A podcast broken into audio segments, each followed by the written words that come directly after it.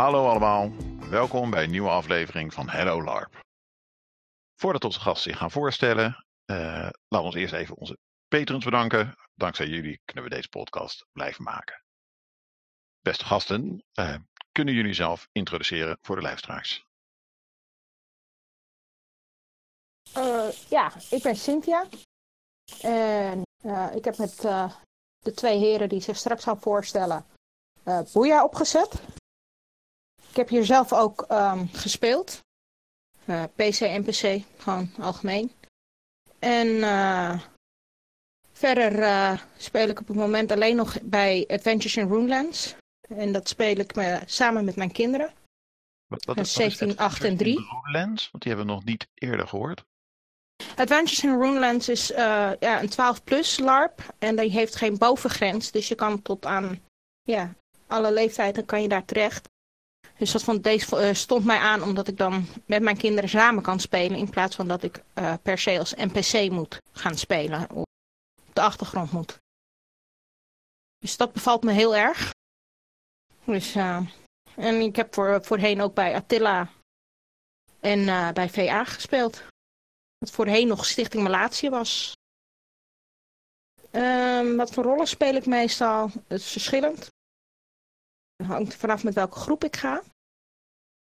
Uh, ik heb vechter, ritualist, magier, alchemist. Noem het maar op. Ik heb het wel een keer gespeeld. En ik ben begonnen bij Stichting Malatia. Geloof ik in 2001. En daar ben ik met een hele grote groep heen gegaan. En het was het Sprookjesplot. En uh, ja, dat is me toen best wel heel erg goed bevallen. En uh, zo steeds meer mensen de LARP in meegesleept. Oké, dat is leuk. Want op zich, dat was volgens mij, ik kom zelf, ben ik van, ik ben daarna pas begonnen bij Vortex, maar dat Prokiespot wordt vaak aangehaald als een van de minder geslaagde evenementen. Het is toch leuk te horen dat je daar bent blijven hangen dan. Ja, het, het is, ik vond het uh, t-shirt wat er verkocht werd helemaal geweldig. People say I live in a fantasy world, but Snow White and the Dwarfs say I'm just fine. Dat is eigenlijk het meest blijven hangen aan het sprookjesplot. En ja, alles was nieuw. Uh, en wat vind ik het leukste, raarste aan LARP is uh, ja, dat het gewoon een warme familie is. Uh, status doet er niet toe. Je kan van bijstand tot dokter, kan je er allemaal spelen. En mensen kunnen leren om uh, buiten hun comfortzone te stappen. Volgens mij is de eerste die we ook nog niet gehad Het maakt natuurlijk niet uit wie je in het dagelijks leven bent. Als je pakje aan hebt, dan ben je rol. Ja. En dat vind ik het geweldige eraan. Het maakt niet uit wie of wat. Als je maar in je rol blijft. Dus, ja. Dan geef ik hem over aan de volgende. Ja, hallo. Mijn naam is Arnold. Um, hoe en waar larp ik? Ja, ik, um, ik larp op dit moment eigenlijk alleen nog maar bij Boeia. Um, tijdgebrek en uh, anderzijds, ik heb ja, eigenlijk overal wel gespeeld. Bij de meeste verenigingen, organisaties in Nederland. Um, ja, wat voor rollen speel ik meestal? Hoe, hoe ja. lang ga je al mee, Arnold? Ik eh, ben begonnen uh, 11 januari 1991. Ik ben toen uh, meegesleept naar, naar Engeland om daar te gaan spelen. En uh, ja, sindsdien ben ik eigenlijk verder gegaan. Um, ja, wat voor rollen speel ik meestal? Dat hangt echt helemaal af. Uh, ga ik alleen uh, uh, of ga ik met een groep? Als ik alleen ga, dan zal ik voornamelijk fighter zijn. ga ik met een groep, dan kijk ik wat past binnen de, binnen de groep. Um, ik heb van alles gespeeld, van boerenpummel tot ubergod. Um, en ja, NPC, PC, eigenlijk alles wat er tussenin uh, zit, heb ik wel gedaan. Um, hoe ben ik begonnen met LARP? Ja, dat was eigenlijk uh, een vriend van mij die uh, vond dat ik heel goed kon zwaardvechten. En die had zoiets van, weet je, ik heb een hele leuke hobby. Als jij nou eens meegaat en mijn beschermer wordt, dan komt dat helemaal goed. En sindsdien ben ik eraan verslaafd geraakt. Um, ja, het leukste en het raarste aan LARP is dat je gewoon niet jezelf hoeft te zijn, maar jezelf prima kan zijn binnen de LARP. Uh, ja, het raarste aan LARP is dat als je het 43 evenementen doet in een jaar, dat je dan niet meer weet wie je zelf bent. Maar dan eigenlijk je karakter bent en niet meer je eigen persoon. Volgens mij, dus- met 43 evenementen per jaar ben je ook wel recordhouder, in mijn ogen. Uh, nee, ik ken er eentje die heeft er meer gedaan, uh, zegt hij. En die 43 waren over eigenlijk de hele wereld uh, het larpen. Het was een jaar lang vakantie. Oef. Wel erg leuk om te doen, maar je merkt dat je dan heel snel je karakters generaliseert en ja, eigenlijk toch terugkomt op iedere keer hetzelfde popje spelen in een andere setting. Dus het zo zegt klinkt helemaal zo leuk niet. Ah ja, het is hartstikke, het is hartstikke leuk. Je moet alleen uh, uh, oppassen dat je dus niet, uh, niet snel in herhaling gaat vallen. Um, en en um, ja, dat, dat is de, de uitdaging erin. Maar ja, het is echt, ja, de, de hobby is erg leuk. Oké, okay. en er staat er nog een meneer daarachter? Ja. Um, ja, mijn naam is Bram. Uh, even kijken, ik ben bij Boeia ben ik de EC, dus ik ga voornamelijk over het uh, tijd in praatje. Of uh, in ieder geval de, de zaken die in-game zijn, dus de IC gehouden en zo. hoe en waar larp ik? Ik larp momenteel NPC bij Malik Den. Um, ik heb in Zweden en Denemarken een tijd lang dingen gedaan, alleen dat ligt nou een beetje stil. Ook omdat ze niet nieuws organiseren. Ik speel een Nosferatu in Haarlem. En verder ben ik eigenlijk een klein beetje in de markt en uh, op zoek naar weer wat nieuws. Want ik heb in het verleden best heel veel gelarpt. Nou kan ik zeker Arnold's uh, record niet aantikken, maar ik heb er een keer 27 in een jaar gedaan. Ook en dat was vrij. Is. Ja, was ook vrij, vrij aan het begin. Je bent single en je hebt een paar knaken op de bank staan. En je hebt iets, weet je wat, ik ga eens kijken wat er allemaal te beleven valt. En dan kom je een heleboel dingen tegen die je heel gaaf vindt. En je komt een aantal dingen tegen die ja, heel erg sip overkomen of gewoon niet passen bij wat ik wel leuk vind. Uh, eens even kijken, hoe ben ik begonnen bij LARP? Ik ben ooit een keer uh, een winkel ingelopen waar ze spelletjes verkopen. En toen zeiden ze van, jij bent een ork. En toen zei ik, nou dat vind ik heel cool, want ik vind orks namelijk heel gaaf. Maar um, is dat een belediging of wat bedoel je hier nou mee? Nou, en toen kwam hij met een flyer aan. Wij hebben een kidslarp en wij zijn nog op zoek naar grote mensen die orks willen spelen. En ik, nou, dat vind ik een fucking goede pitch. Okay. Ik ga ervoor. Dus ik heb toen een weekendje vanuit uh, de zaterdag uh, van 10 uur s ochtends tot 10 uur s avonds heb ik een, uh, als grote groene ork door het bos heen gelopen met een hele zwerm koters. Die, ik weet niet wat ze gevoerd hebben, maar extreem murder hobo's stuiten die door het bos heen. En dat was eigenlijk best heel geinig. En dan hoorde ik van andere vrienden, ja, mijn nichtje organiseert ook een LARP. Dus nou, is goed. Dan uh, gingen we daar een weekendje heen. Aan het eind van het weekend had ik echt zoiets van, wat is dit? Een, extreem sneu verhaal. Dit gaat echt helemaal nergens over. En misschien is het echt niet mijn ding. Toen heeft uh, iemand, die heeft toen gezegd, ik snap uh, jij kunt meer in dit spelletje. En als je dat nog een kans wil geven. Ik organiseer een LARP in de buurt van Groningen. Bij Attila. En als het je leuk lijkt, dan kun je het nog een keer een kans geven. Dat heb ik gedaan. En sindsdien, uh, dus eigenlijk vanaf 2009 tot aan heden, ben ik uh, druk heen en weer aan het stuiteren door heel LARPland heen. Ik denk dat ik heel veel van de vereniging heb ik wel gezien. En ik heb bij heel veel heb ik ge-NPC'd, gespeeld. Uh, keeper hebben we ook gediend. Um, ja, been around.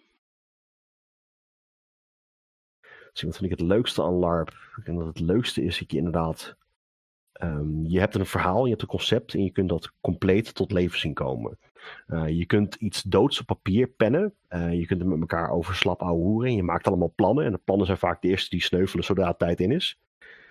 Maar het, het groeit. Het wordt een soort levende entiteit die um, evolueert en doorleert en groter groeit. En het neemt zijn eigen leven op een bepaald punt. En dat is echt heel gaaf om dat te mogen zien en te mogen ervaren. Oké, okay, mooi gesproken. Um, jullie zijn met z'n drieën zijn jullie deel van de organisatie achter Boeia. Uh, help me even, de kreet Boeia die komt al 45 afleveringen voorbij. Uh, maar even heel kort, waar gaat Boeia over? Als je het zou moeten samenvatten in een paar zinnen. Um, voor degenen die, net als wij, ook oud zijn en nog weten wat He-Man is.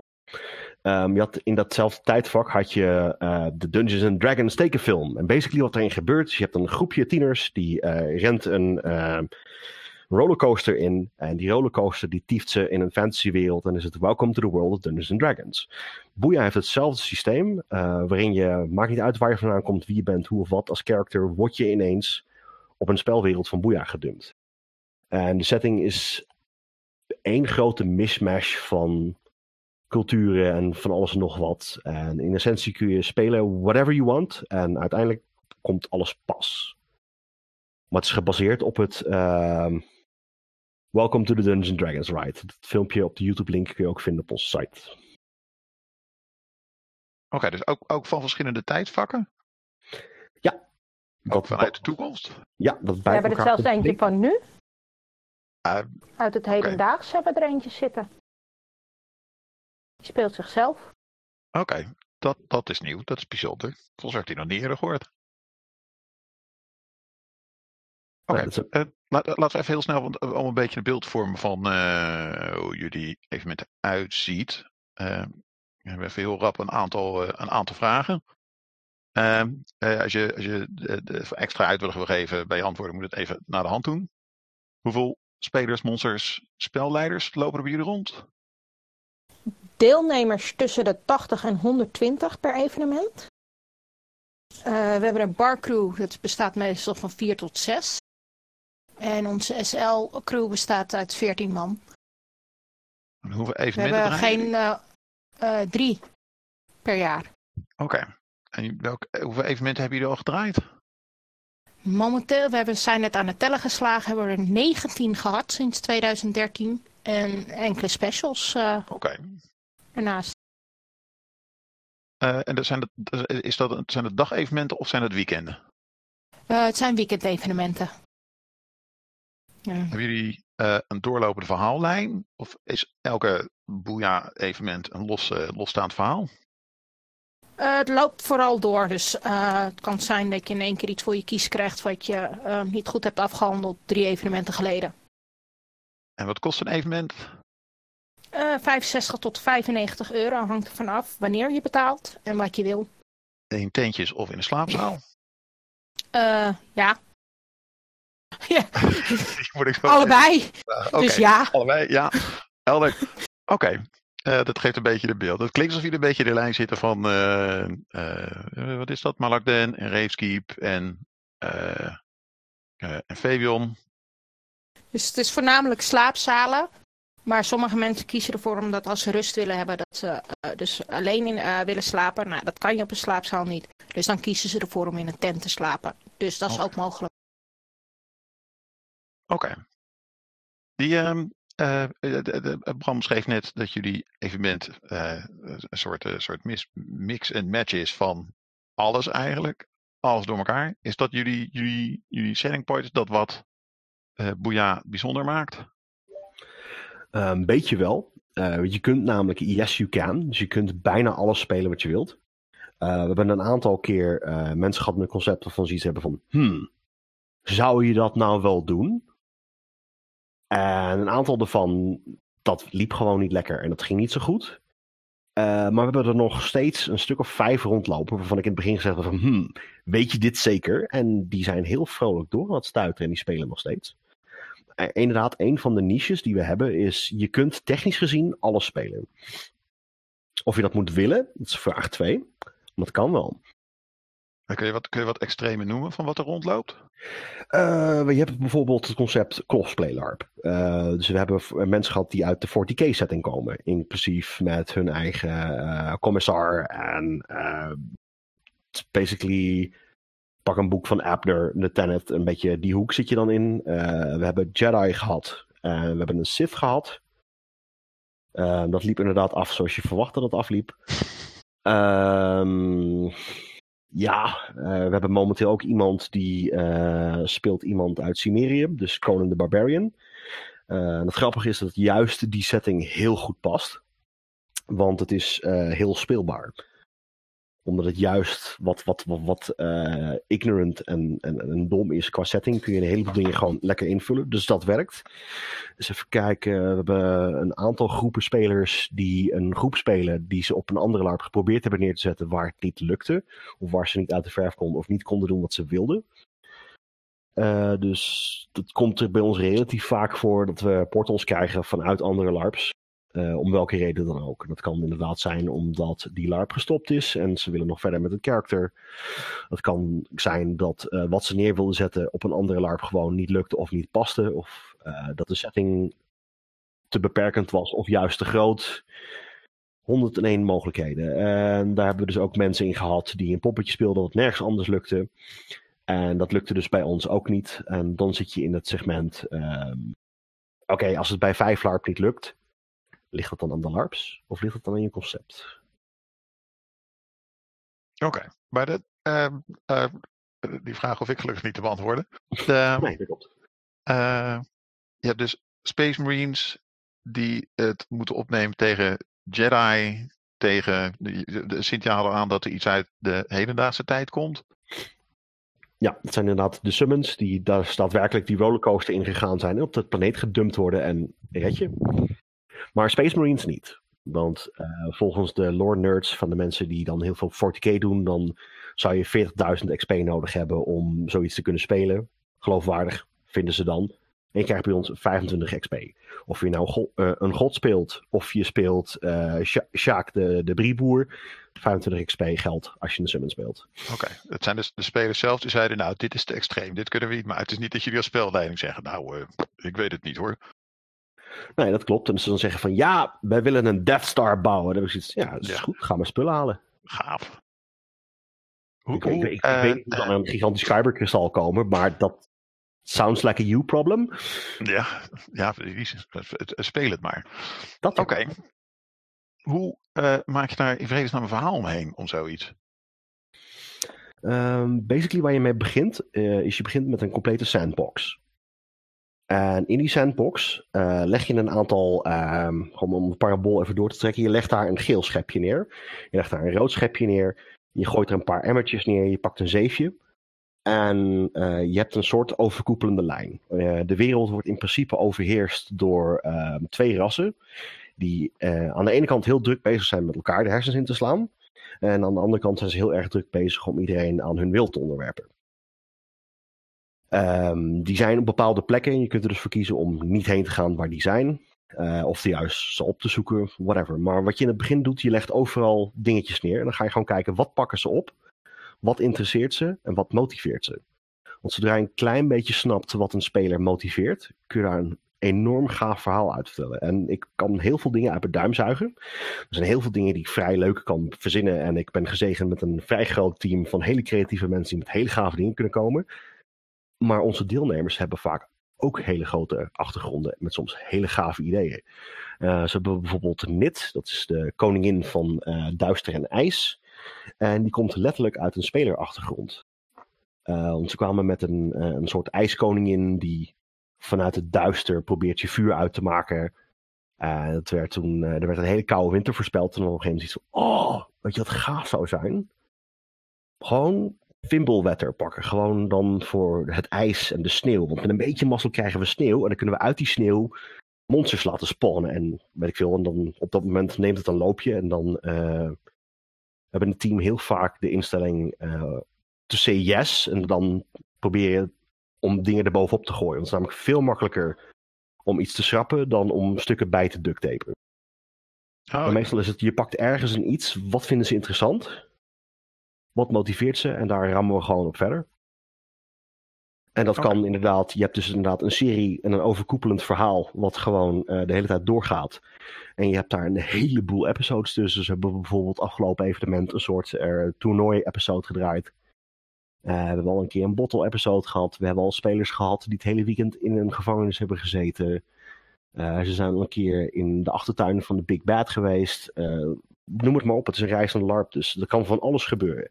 Afhankelijk van of ze een geel schepje oppakken of een blauw emmertje. En soms simultaan. Het komt voor dat we 4 tot 5, voor je gevoel 4 tot 5 LARPs per evenement draaien. Oké, volgens mij, zeg maar, indirect beantwoord je daarmee eigenlijk een vraag dat ik denk, eh, d- begrijp ik het goed, dat, ik probeer een beeld voor, weet je, ik zit al steeds met die Space Marines en die, eh, wat is het, de Jedi en de noem het op. Ja, moet je als- lekker loslaten. Eh, ja, ja, ja, maar volgens mij als ik jou hoor praten, eh, is het het probleem van de speler als die daar niet mee om kan gaan en niet het probleem van het spel. Nee, dat is inderdaad waar. Het punt daarbij is namelijk voornamelijk, ehm, het maakt niet uit waar dat karakter vandaan komt in dusverre. eh, je hebt elkaar uiteindelijk nodig. De setting kan vrij heftig en vrij dodelijk zijn. Dus je kunt inderdaad ehm, eh, iets, iets stom vinden. Of je kunt ermee omgaan zoals je karakter ermee om zou gaan. Want ehm, dat is een beetje het nadeel aan de cosplay-larpers. Gelukkig hebben we daar niet superveel van. Want het schept namelijk hele hoge verwachtingen. En soms kunnen de mensen die het spelen niet aan die verwachtingen voldoen of loopt het wel eens zuur. Maar eh, als jij eh Selwyn de Cellsword speelt uit Neverwinter, technisch gezien ook een cosplay LARP, ehm, en je komt een Space Marine tegen, wat denk je dat is? It's a Magic Golem. En that's it. Want die character kan niet weten wat een Space Marine is, tenzij ze een bibliotheek hebben waar je daadwerkelijk al die boeken kunt lezen. Wat in 9 van de 10 gevallen niet het geval is. En dat is juist het grappige aan, eh, aan die persoon die eh, iemand uit de hele, eh, hedendaagse tijd speelt. Die kan overal de parallel aanleggen. Dus die kan heel erg leuk spelen met de fourth wall. En sommige dingen proberen te snappen. En als hij dan bijvoorbeeld aan een 40 probeert uit te leggen. Hé, hey, je bent dit en dit boeken. Dan krijgt hij meestal het woord shut up heretic. Maar hij kan het wel. En dat maakt het voor hem leuk. Oké. Gaat, het dan niet, gaat het dan niet neigen naar, heel snel naar grappig LARP, tussen aanhalingstekens? Ehm, nee, want roleplay doen we heel specifiek niet aan. Sterker nog, er hangt een bordje in het MC ook dat het ten strengste verboden is. We leggen vaak ook heel duidelijk uit waarom. Ehm, maar je kunt wel heel bloedserieus roleplayen als het bij je character past. Maar het is niet het eh, kom laten we gaan eh, carnavallen met z'n allen idee. Want daar is de setting dan weer niet naar. Oké. Dus ja, je kunt het spelen en ja, je kunt er zeker weten meespelen. Maar we proberen wel zoveel mogelijk dat gewoon eh, echt en intensief te houden. Want ehm, de wereld gaat gewoon door. En we zijn stiekem een LARP. On Booyah, you do stuff or stuff does you. Oké. Die, eh, die snap ik, die aanpak. Heb, je ook mensen waar dat niet bij werkt? Eh, er zijn inderdaad mensen die voornamelijk een, een LARP zoeken om gewoon lekker te, te hangen en te bar hangen. En ja, dat, dat werkt niet zo goed bij ons. Ehm, er zijn ook mensen die daadwerkelijk heel erg druk bezig zijn met het kampspel. En ik snap niet wat hun daar tof aan vinden. Maar die zijn er echt extreem blij mee. Je moet het een beetje zien alsof je rondloopt in een groot buffetrestaurant. En in mijn optiek zitten ze in een hoek met crackers. Daar van die Heinz pakketjes ketchup op te smeren. En having the time of their life. Dus ik hoef niet per se te snappen waarom ze het leuk vinden. As long as they're having fun, we're winning. Ja. Maar het is inderdaad, het is niet een, een, een barhanglarp. Dus het is ook niet een, oh, er is weer iets aan de hand. Of de herde is dit. Ik ga gewoon in de bar zitten en ik wacht tot het voorbij is. Nee, want die bar kan gewoon in de fik. Of bevroren worden. It's all happened. Oké. Eh, Volgens mij eh, eh, pas jullie, ik zag op jullie website zag ik de kreet play with your cadaver staan. Ja, dat is een antieke legerquote. En de legerquote is, dat is, is het sjouwen met je kadaver. Oftewel, accept the fact that you can die or are already dead and go on. Ik ken de Journey Quest tegen die tijd eh, toen nog niet. Anders hadden we waarschijnlijk een Onwards met een Glorian erop gepakt. Maar het gewoon het spelen met je kadaver is blijven hangen. Het, gewoon, het maakt niet uit wat er gebeurt, gewoon spelen. Do as your character would. Eh, het is ook een dingetje waar sommige nieuwe spelers tegenaan lopen. Eh, butsen worden bij ons niet ingepland. Dat zijn vaak ehm, consequenties van bepaalde genomen acties binnen het spelletje. Zo is er bijvoorbeeld voorgekomen dat eh, een van de Night Lords, dus een van die overheersende eh, rassen, dat ze dat tegen hebben: Nou, als je die spullen wil hebben, dan kom je ze maar halen. En dat heeft hij gedaan met een compleet leger. Hadden ze dat niet gezegd, dan was er dus geen bash geweest. Oké. Want het is helemaal niet logisch om er in één keer een random bash in te gooien als ze net vrede hebben gemaakt met de lokale bevolking. Want dat mag namelijk ook. Nee, ik, ik, ik vind zelf. Ik ben heel lang spelleider geweest bij Vortex. En dan hebben we toch, nou ja, eh, met regelmaat evenementen gehad. Dat je dacht, ja, ja, ja, er, er moet nu toch geknokt worden. Maar we kunnen geen verhaal bedenken. Eh, Geef ze maar rode smink en stuur ze maar het veld in. Maar eigenlijk naar de hand waar je toch een beetje vies over voelt. Ja, maar het, het hele punt is namelijk, ehm, Vortex eh, is niet één LARP. Het is tenminste, ik moet heel eerlijk toegeven dat ik er niet recent geweest ben. Mijn meest recente ervaring bij de Vortex is 2015 geweest. En destijds had je alle facties nog. Dat betekent dat je het hebt over acht LARPs die simultaan gerund worden. Uh, over elkaar heen, door elkaar heen, langs elkaar heen. Dus als je daar cohesief één verhaal voor moet bedenken, ik zou echt niet weten hoe dat moet. Ik denk niet eens dat dat kan, maar dat is mijn optiek. In ieder geval, ik, ik zie niet in hoe, hoe je daar één verhaal uithaalt. Want het zijn acht LARPs. Kijk Bram, dat is, het is gewoon ontstaan. Het, het is een concept wat overgenomen is uit Engeland vandaan. En daar had je een LARP met ruim 2000 uh, uh, deelnemers en maar drie NPC's. Dus dan is het echt PvP, dus kamp tegen kamp, uh, ras tegen ras, uh, volkje tegen volkje, dorpje tegen dorpje. En dat hebben ze hier geprobeerd naar Nederland te halen. Alleen het, het heeft gewoon nooit aangeslagen. De hoogste aantallen die we gehad hebben, toen zat ik nog in het bestuur van, uh, van VA.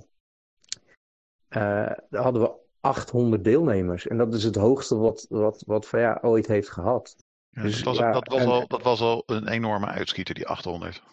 Ja, dat was maar dat, dan, dan ga je naar een compleet ander spelletje eigenlijk. Want uh, in de tijd dat wij nog 50 deelnemers hadden, was het vrij simpel en overzichtelijk. Ik denk, ik heb het een keer met, uh, met iemand anders over gehad, die ook al sinds 96 LARPs organiseert. En volgens hem is het magische getal 80 deelnemers. Zodra je over de 80 deelnemers heen gaat, wordt het een compleet ander spelletje.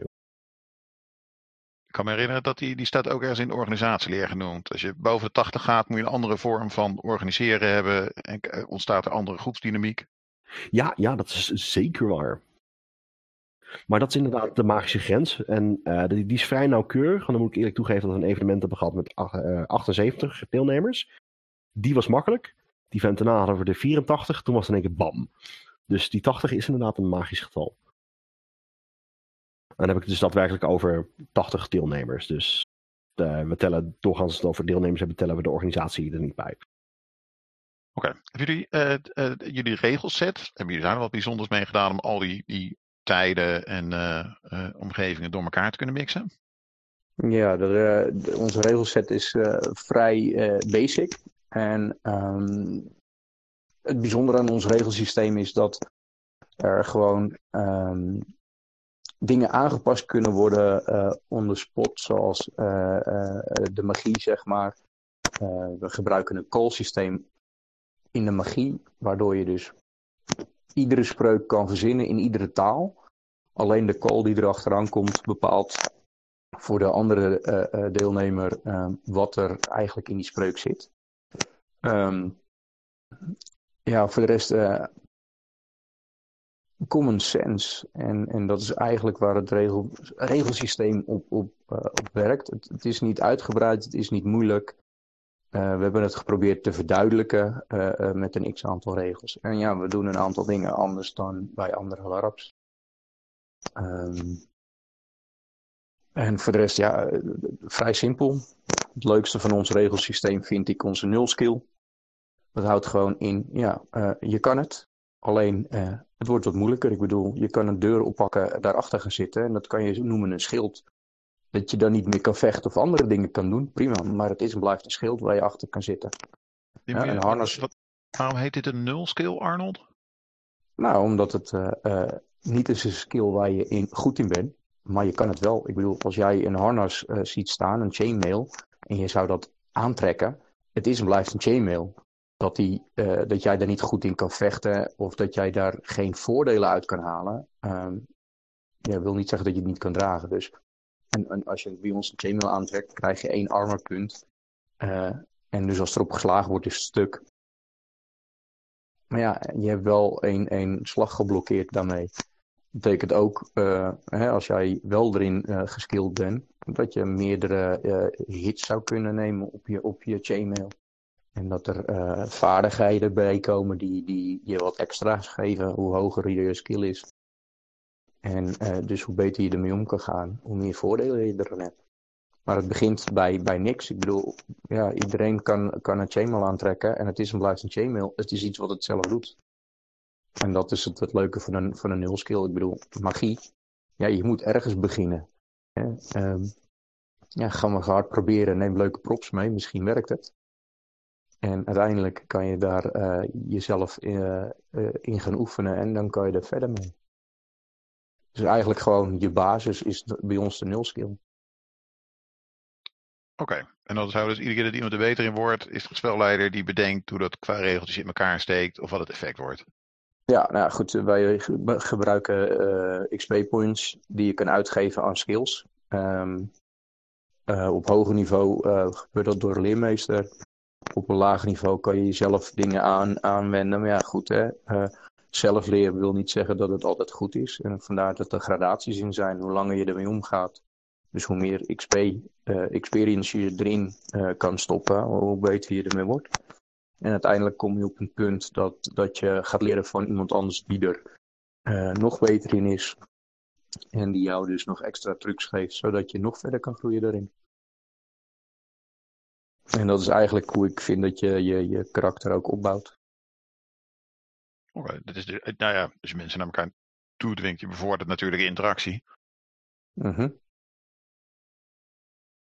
Ja, je, je, interactie met elkaar. Uh, het, het, spelletje wordt leuker. Je gaat van elkaar dingen overnemen, maar niet in een gedwongen manier. Oh, ik wil de beste worden in het zwaardvechten, dus ik ga alleen maar dat opzoeken. Ja, zo werkt het niet in mijn hoofd. Um, ik denk dat je gewoon ehm, geleidelijk aan je karakter moet maken. Dus ik kan jou 100 punten geven, dan maak je een heel karakter als dat jij moet groeien naar 100 punten. En je begint bij ons met 25 punten als uh, summon en uh, 20 XP-punten als native. En als native heb je een x aantal voordelen op je ras, klas, dingetje wat je speelt. Wat, wat, wat zijn een summon en een native? Een summon is van, niet van de wereld van Protoss. Dus niet uit ons regelsysteem, of onze regelsetting. Onze wereld die wij verzonnen hebben. Dan ben je een summon. En dan kan je dus inderdaad uit een andere tijd komen. Of ja, gewoon compleet van een andere wereld. En dan kan je spelen wat je zelf daarin wil. En de natives zijn ja, inwoners van, van de wereld Protoss. En die leven daar en die hebben een hele stuk geschiedenis. En, en dat is wat onze wereld levend maakt. Dus heb je, om heel voorzichtig te peuteren, je hebt de, de, de, de, de Booyah setting, dat zijn jullie natives, zeg maar. Die, die, die hebben ja. eigen wereld. En de buiten kan iedereen als summon van alles bedenken om van buitenaf erin te komen. Ja, nou ja, goed. De, de, de wereld heeft uh, bepaalde dingen nodig en die zal je dan summonen naar de wereld. Dus hè, bij VA word je, ga je, uh, heb je de, de schijf en dan ga je van de wereld af overal naartoe. En wij halen ze eigenlijk van alle werelden af naar uh, ons centrale punt. En daarop uh, is ons spel. Oké. Een hele andere richting. Um, hebben jullie verder nog, want als ik hoor een weekend, de slaapzaal, dus hier, et cetera, nog zaken waar jullie afwijken ten opzichte van de andere evenementen aan opzet? Dus qua bestuur hoe jullie uh, uh, NPC's uitnodigen. Of jullie überhaupt NPC's hebben. Die hebben nog niet voorbij horen komen. Uh, nee, de term NPC gebruiken we vooral spaarzaam. Want ze zeggen deelnemers. Want de, de setting is niet PvP. Het is niet PvE of wat dan ook. Het is een CVC. Dus het is character versus character. En of het nou een PC of een NPC is. Dat zou niet uit moeten maken. Dus het is niet een, oh, ik kan hem prima overhoop steken. Het is toch maar een NPC. Er zijn spelers geweest met die instelling, dat hebben ze vrij rap afgeleerd. Oké. Okay. Uh, uh, die moet ik even over nadenken. Want het is een, uh, een, een wereld, wereldschokkend, wereldschokkende gedachte voor mij als oude voorteksknar. Hoezo? Als, als jij wat steelt bij iemand, die wordt boos. En als jij een NPC bent, dan hak ik je handen eraf. En als je een speler bent, dan, ah sorry, volgende keer niet meer doen hè. Die insteek, niet doen. Je loopt een dorpje binnen. Ja, we hebben nu de informatie, dus we slaan alle inwoners overhoop. Ja, als zouden dat spelers zijn, ja, dan, dan halen we alleen de informatie en dan laten we ze los. Nee, zo werkt het niet. Als jouw hoofd me niet aanstaat, dan moet die eraf. En of dat je dan speler bent of NPC bent, dat moet niet uitmaken. Stap van het concept af, daar zijn wij in ieder geval heel hard mee bezig om iedereen dat aan te leren. Stap van het concept af. oh, het is maar een NPC. Nee, wat is logisch voor jouw karakter? Hij, heeft net van mij gestolen, dus zijn handen moeten eraf. Nou, dan gaan zijn handen eraf. Of dat nou een speler is, of een NPC is, of DPC, of Puk. Het maakt niet uit. Je moet spelen naar wat jij bent. En als jouw karakter vindt dat je die actie moet doen, dan moet je die actie doen. En dan houdt dat in dat er van onze setting, eh, als we 80 deelnemers hebben, dat er dan 40 doodgaan. Dan gaan de 40 dood. Dan beginnen ze opnieuw. Maakt niet uit. Maar het moet niet zo zijn. Ah, ja, nee, dat is een speler, dat doe ik niet. Oh, en dat is een NPC. Dan doe ik het wel. Dat mag niet je overweging zijn. Het moet gewoon zo zijn. Is dit logisch voor mijn karakter? Ja, dan speel ik dat. Dus als jij een, een, een Jedi neerzet en er komt een Sith het veld oplopen, dat het eerste wat je doet, je pakt je wapen en je gaat die Sith overhoop steken. Want dat is logisch. En dat moet dan niet uitmaken of dat een speler is of een NPC is. Je moet gewoon handelen naar, naar, jou, naar jouw actie. En dat is ook uh, een beetje het ding. Alles mag, alles kan. Als je consens hebt. En uh, ja, goed, daar moet je gewoon rekening mee houden. Als jij uh, iemand vermoord ziet worden op het veld, nou, dan kan je een x aantal dingen doen. Of je kan je er tegenaan bemoeien. Of je kan weglopen. Of je kan iemand erbij gaan halen. En dan kun je nog wel plenty opties verzinnen. Maar doe wat logisch is voor jouw karakter. En ga en niet denken. Consequenties. Oh, en, en, en hou, hou in je achterhoofd dat het consequenties heeft. Je, je actie geeft de reactie. En dat is, dat is hoe wij uh, de dingen doen. En dat, dat is een verhaal waarin wij als spelleiding ook gewoon zoveel mogelijk proberen onze hit te nemen. Als jij negatieve acties uithaalt, dan kunnen daar heel goed negatieve consequenties aan vastzitten. Daarentegen, als jij een compleet dorp gered hebt en de draak overhoop gestoken hebt, dan kan de consequentie zijn dat je een lokale volksheld wordt en misschien zelfs met de lokale prinses kan trouwen could happen. Dus het gaat wel degelijk beide kanten op. Dus je hebt de pros en de cons. Consequenties zijn gewoon een ding. En daar is stiekem best heel veel spel uit te halen op die manier. En soms uh, derailt dat je complete evenement. Maar als dat inhoudt dat het daardoor gaver wordt en mensen hebben veel meer binding met het verhaal op, op die manier. Ja, dat zou niet het eerste plotboek zijn wat op de, op de kampvuur belandt, omdat, uh, omdat er iets gebeurt wat gaver is. Het is gewoon ook als SL, neem je hits. En anders gaat het plotboek de kast in en dan gebruiken we hem vijf evenementen later. Ja, dat is ook een optie. Afhankelijk van of iets gaaf is. Want um, soms bedenk je iets waarvan je denkt: oh, dit is vet. En dan gooi je het veld op en dan is het echt, echt heel spijtig. En dan moet je het ook gewoon, uh, ja, je moet ook gewoon je stap terug kunnen nemen. Just let it burn. Maar in theorie, in deze setting, alles en iedereen kan dood Behalve één personage en die is dan nogal zuur over. Ja. Oké, het, het, klinkt alsof er verhaal achter zit. Vrienden we straks nog tijd hebben. Uh, maar dit, het, het, alles wat jullie zeggen, denk ik, ja, ja daar ben ik het natuurlijk roerend mee eens. Uh, maar dan moet je het in praktijk nog wel kunnen neerzetten. Want daarnet beschreven, een, uh, wat was het, Nilnius en zijn, zijn leger zieloze ridders, die dan verhaal kwamen halen bij een speler. Um, ja, dat, uh, dat zijn van die dingetjes. Uh, het punt is namelijk, we hebben namelijk degelijk een MC-crew. Met een paar extreem grote helden. En de ratio kan liggen van één NPC op één speler. Of drie NPC's op één speler. Of vice versa. Dat schommelt een beetje. Uh, punt is namelijk, omdat we door de tijd heen, door schade en schande ook een beetje wijs geworden zijn. Dat we dus ook als organisatie heel veel skill points ver, verzameld hebben. En we beschikken over een paar extreem gave mensen. Uh, het probleem was inderdaad toen uh, een van die grote boze Night Lords langskwam met zijn complete leger. Toen hebben we dus uh, dat hele leger moeten brieven en neerzetten. En dat was meer dan 32 A4'tjes aan lore of zo. Dus de extreme held die dat binnen no time oppikte. we hebben gewoon een aantal extreem goede mensen.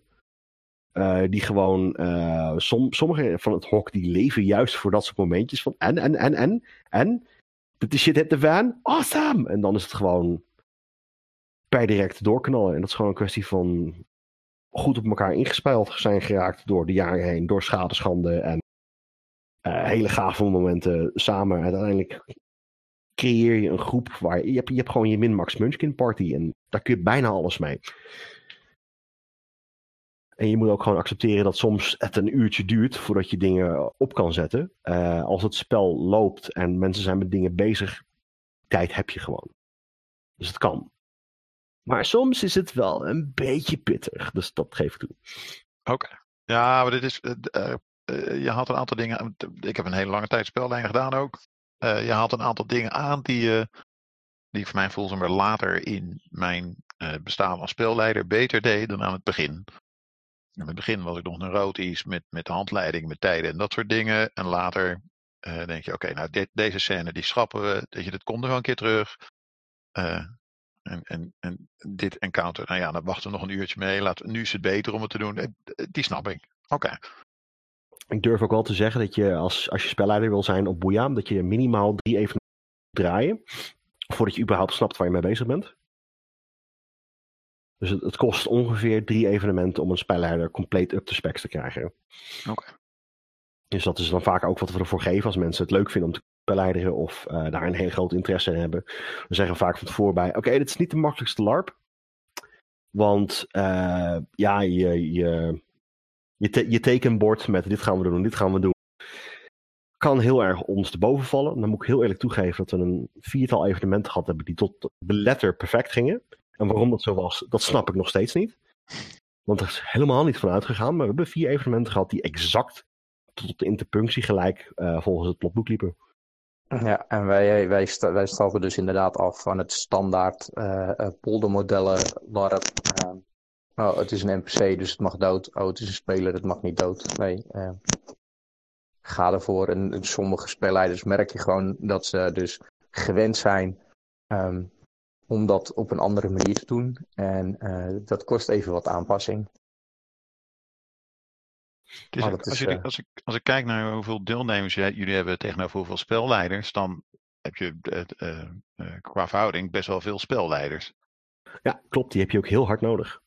Want ja. een heleboel mensen schrijven een hele gave, met hele gave punten. En als je dus inderdaad, je hebt een, uh, een kwakspeler van 80 man met allemaal gave achtergronden.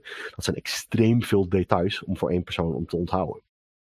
Uh, dus als je extra mensen hebt, dan kun je dat soort dingen ondervouwen. En je zou dus inderdaad bepaalde plottingen ook wat meer kunnen aansluiten op die achtergronden van die spelers die er al zijn. Maakt zich meer geïnteresseerd, ze voelen zich meer deel van de setting en van het spelletje.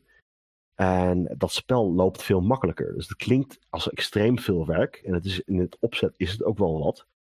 Maar als je op die manier het juiste spel naar de juiste spelers toe gooit, dan schrijft en speelt het zichzelf. En dan kun je andere dingen doen. En een andere reden waarom we relatief veel spelleiders hebben, is dat als jij een ritualist bent, kun je te passen en te onpassen wanneer je maar wilt. Uh, kun je ergens een ritueel uh, vandaan trekken. Of dat een goed idee is, discutabel, het is wel vermakelijk. Oké, nou, voor dat soort spel, okay. voor dat soort spel hebben we natuurlijk ook mensen nodig die in de buurt zijn en aanspreekbaar zijn. Voordat je als speler moet gaan zitten wachten of uh, in, de, in de rij moet gaan staan voor een spelleider. Ja, dat gebeurt nog dus steeds hoor. Oh. Als jij je ritueel gaat beginnen, ga je ritueel beginnen. Uh, vaak pakken de spelleiders uh, dat gewoon op. En uh, heb je gewoon pech als jij gewoon een ritueel wil doen zonder een spelleider. Uh, dan kan het wel eens gebeuren dat je uh, niet, niet één spelleider krijgt, maar gewoon drie spelleiders erbij krijgt. Want dat is gewoon, vinden wij gewoon leuk om daarnaast te gaan staan als spelleider. En dan die spelers een beetje, de deelnemers een beetje uh, paniekerig laten worden. En dan wordt het in één keer een heel leuk ritueel. Terwijl ze dat eigenlijk gewoon misschien wel als ochtendgebed gingen doen. Dus de hogere wachten meekijken. Ja, best grappig. Tevens hebben wij een soort leelijnennetwerk dus ieder element heeft een soort knoop. En dat is dan de node. En daar kun je ook mee interacteren. Dus je kunt bijvoorbeeld als een vuurmagier naar de vuurnode toe en, en dan in conclave met je element zou je dat willen. Je zou ook als watermagier naar de vuurnode toe kunnen gaan. Dan wordt het een soort andere interactie. Um, dat komt vaak neer. Uh, nodespel is vaak ofwel een klein stukje interactie waarbij de speler een klein stemmetje pakt. En als het daadwerkelijk uh, uitmondt op iets gaafs, dan is het ook gewoon een kwestie voor een NPC die daar toevallig zin aan heeft. En daar kun je dan op die manier ook uh, spel uittrekken. Dus daarom is het eigenlijk ook wel handig om gewoon uh, extra handjes te hebben. Plus, grote NPC-crew is een heleboel werk. Het is ook een heleboel schrijfwerk. want we hanteren een klein beetje het Nordic LARP systeem. NPC's gaan Dus de meeste NPC's hebben een compleet uitgeschreven rol. Eh, met interacties naar andere rollen toe. eh, aansluitend op het stuk verhaal of de regio waar we zitten. Het kan ook zijn dat ze in een regio zitten die geen reet met het verhaal te maken heeft.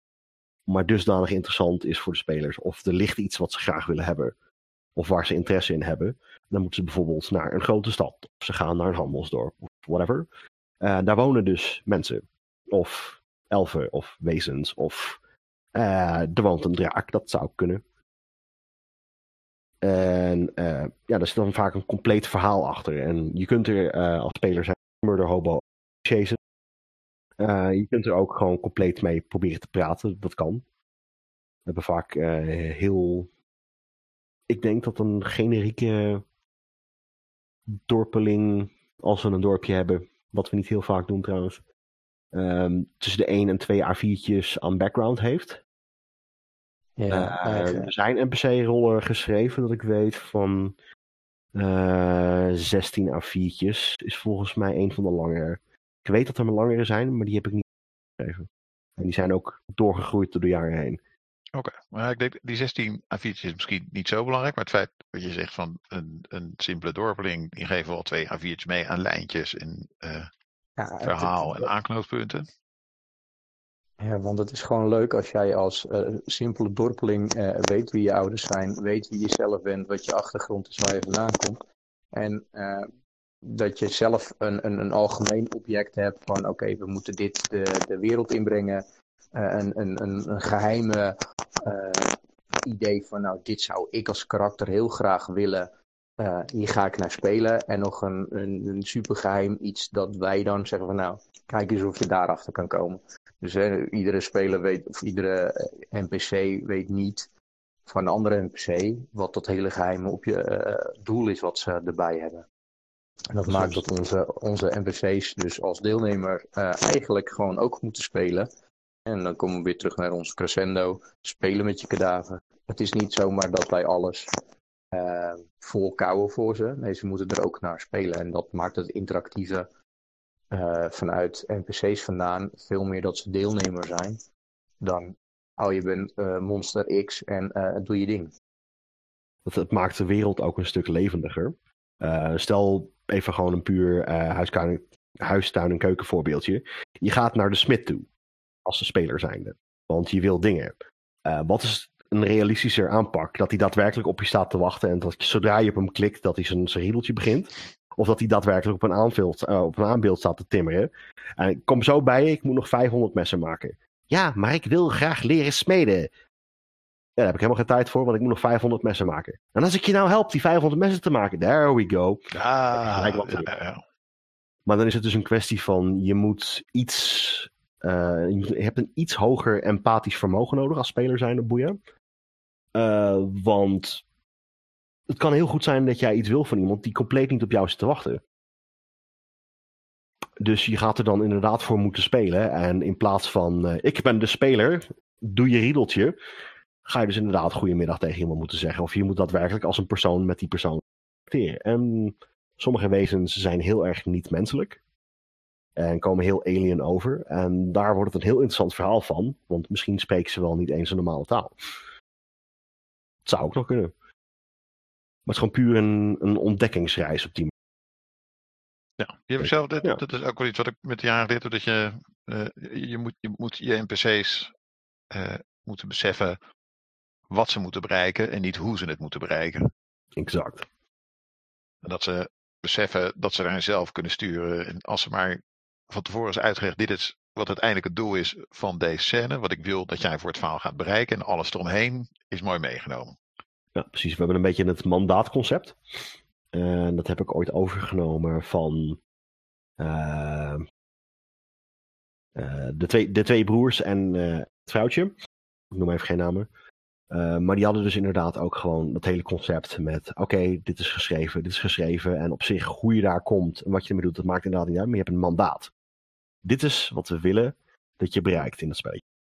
Als het lukt, awesome. Lukt het niet, ja, dan niet. En is het gewoon, eh, kan, je, kan je het spel niet of wil het niet? Of eh, ligt het te ver buiten je comfortzone? Cool.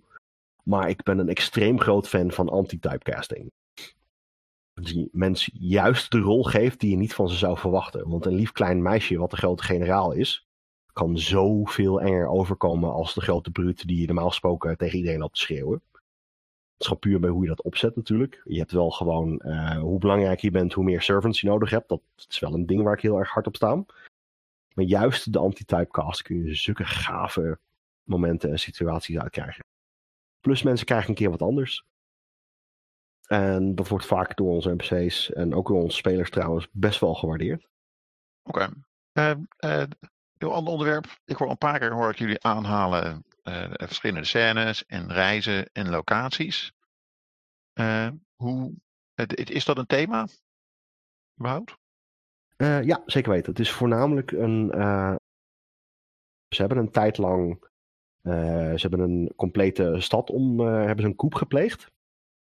Want die stad was naar en evil. Er was een onderdrukking gaande. Dus er moest een rebellie komen. Dus de spelers hebben daar een complete rebellie opgezet.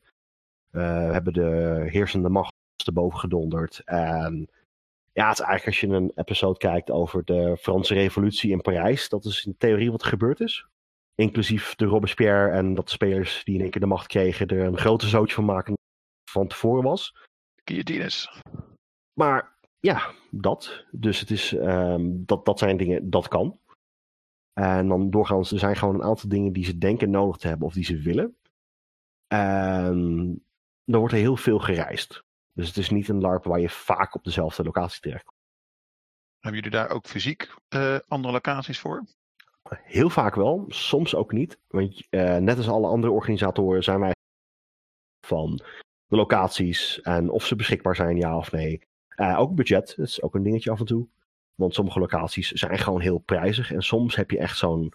Ik wil graag dat, dat, dat witte kasteel. Als het kan, ja. als dat betaalbaar is, weet je. Of je wilt graag um, ja, zo'n. Zo uh, een, beetje een mijngevoel. Of je wilt graag dat. Als het kan, is het super gaaf. Als het niet kan, jammer de bammer. Maar Arnold presteert het relatief vaak.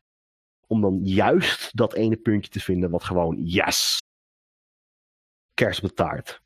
En soms is dat niet het geval, want dan zitten dingen tegen. Maar meer wel dan niet. Dus we hebben heel vaak hebben we een trein te pakken dat je denkt, yes, gaaf, hier kunnen we ons ding doen.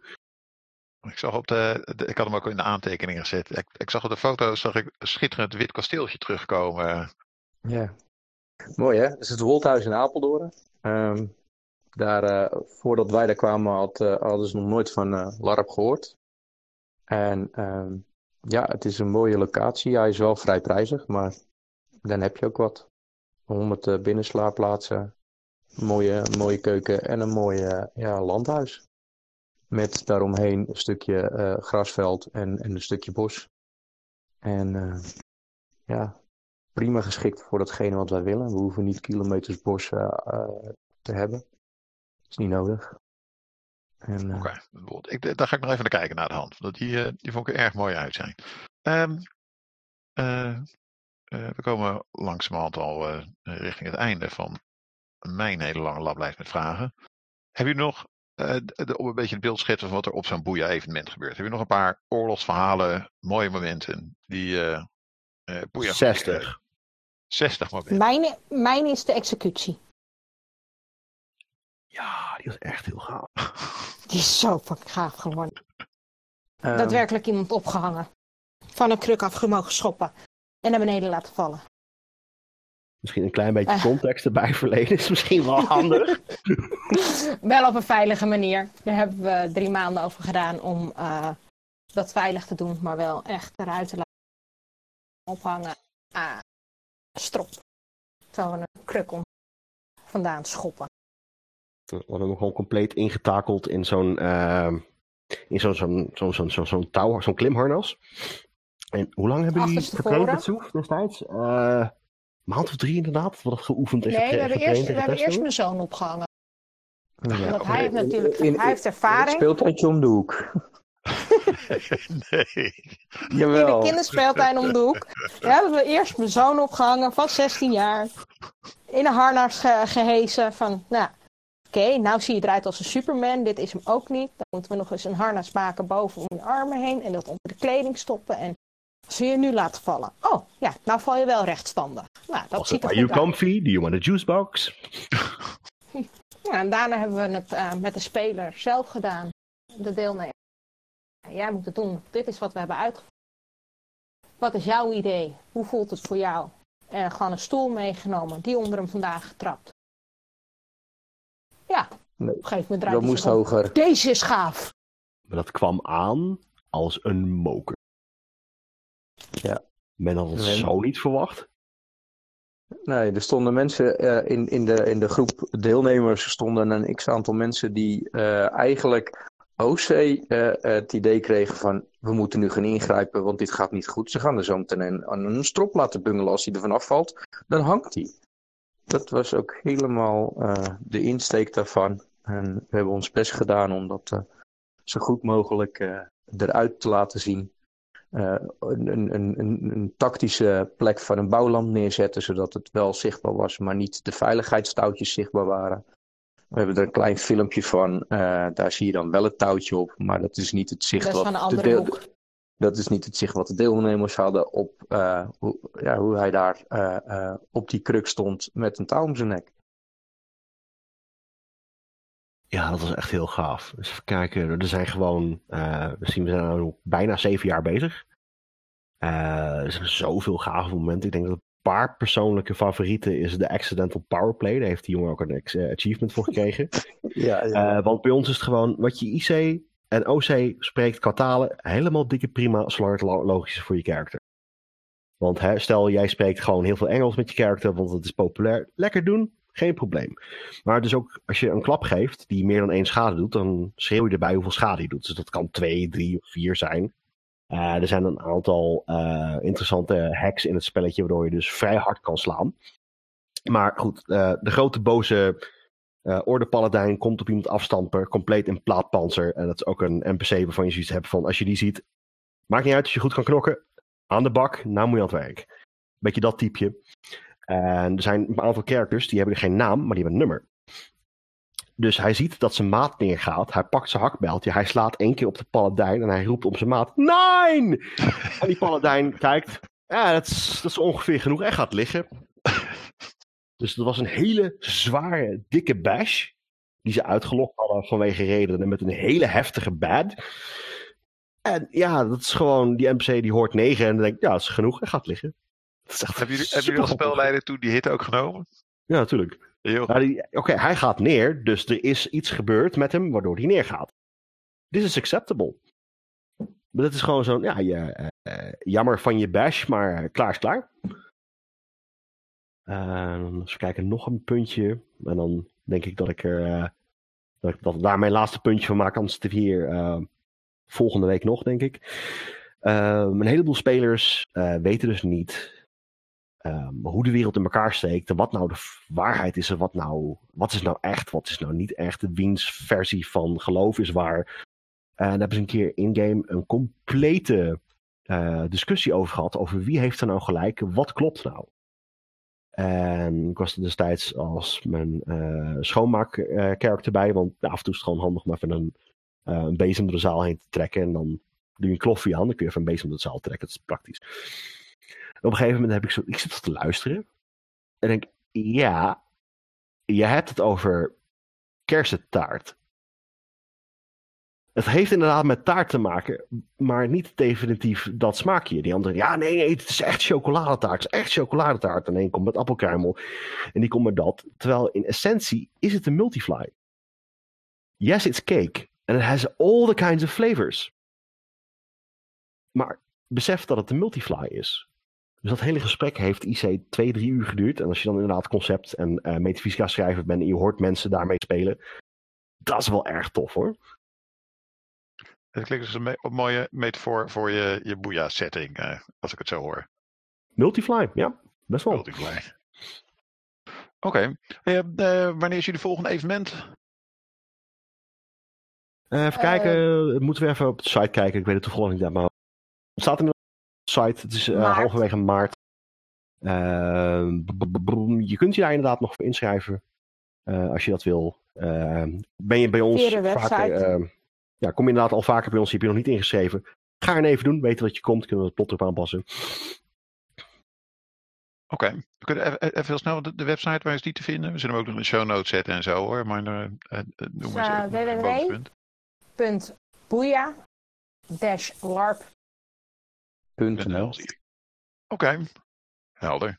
Ik, um, uh, hebben jullie nog iets wat jullie willen toevoegen aan het hele verhaal?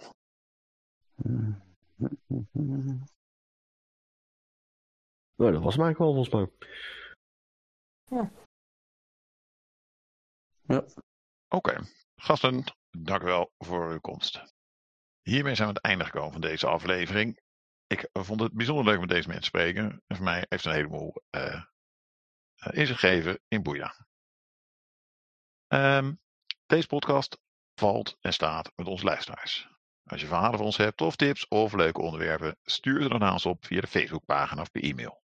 Wie weet zie je in de nabije toekomst wel een aflevering voorbij komen met jouw woorden en idee. Wil je dat in de toekomst deze podcast blijft staan en beter wordt? Denk er dan bijvoorbeeld eens aan om een donatie naar ons te doen of beter te worden via hellolarp.nl. Met 1 dollar in de maand help je ons al enorm. En voor 5 dollar krijg je eerder toegang tot de afleveringen. Kun je een kijkje nemen in de notities en stemmen op de toekomstige onderwerpen. Voor donaties zie ons Facebookpagina of hellolarp.nl. Tot een volgende keer.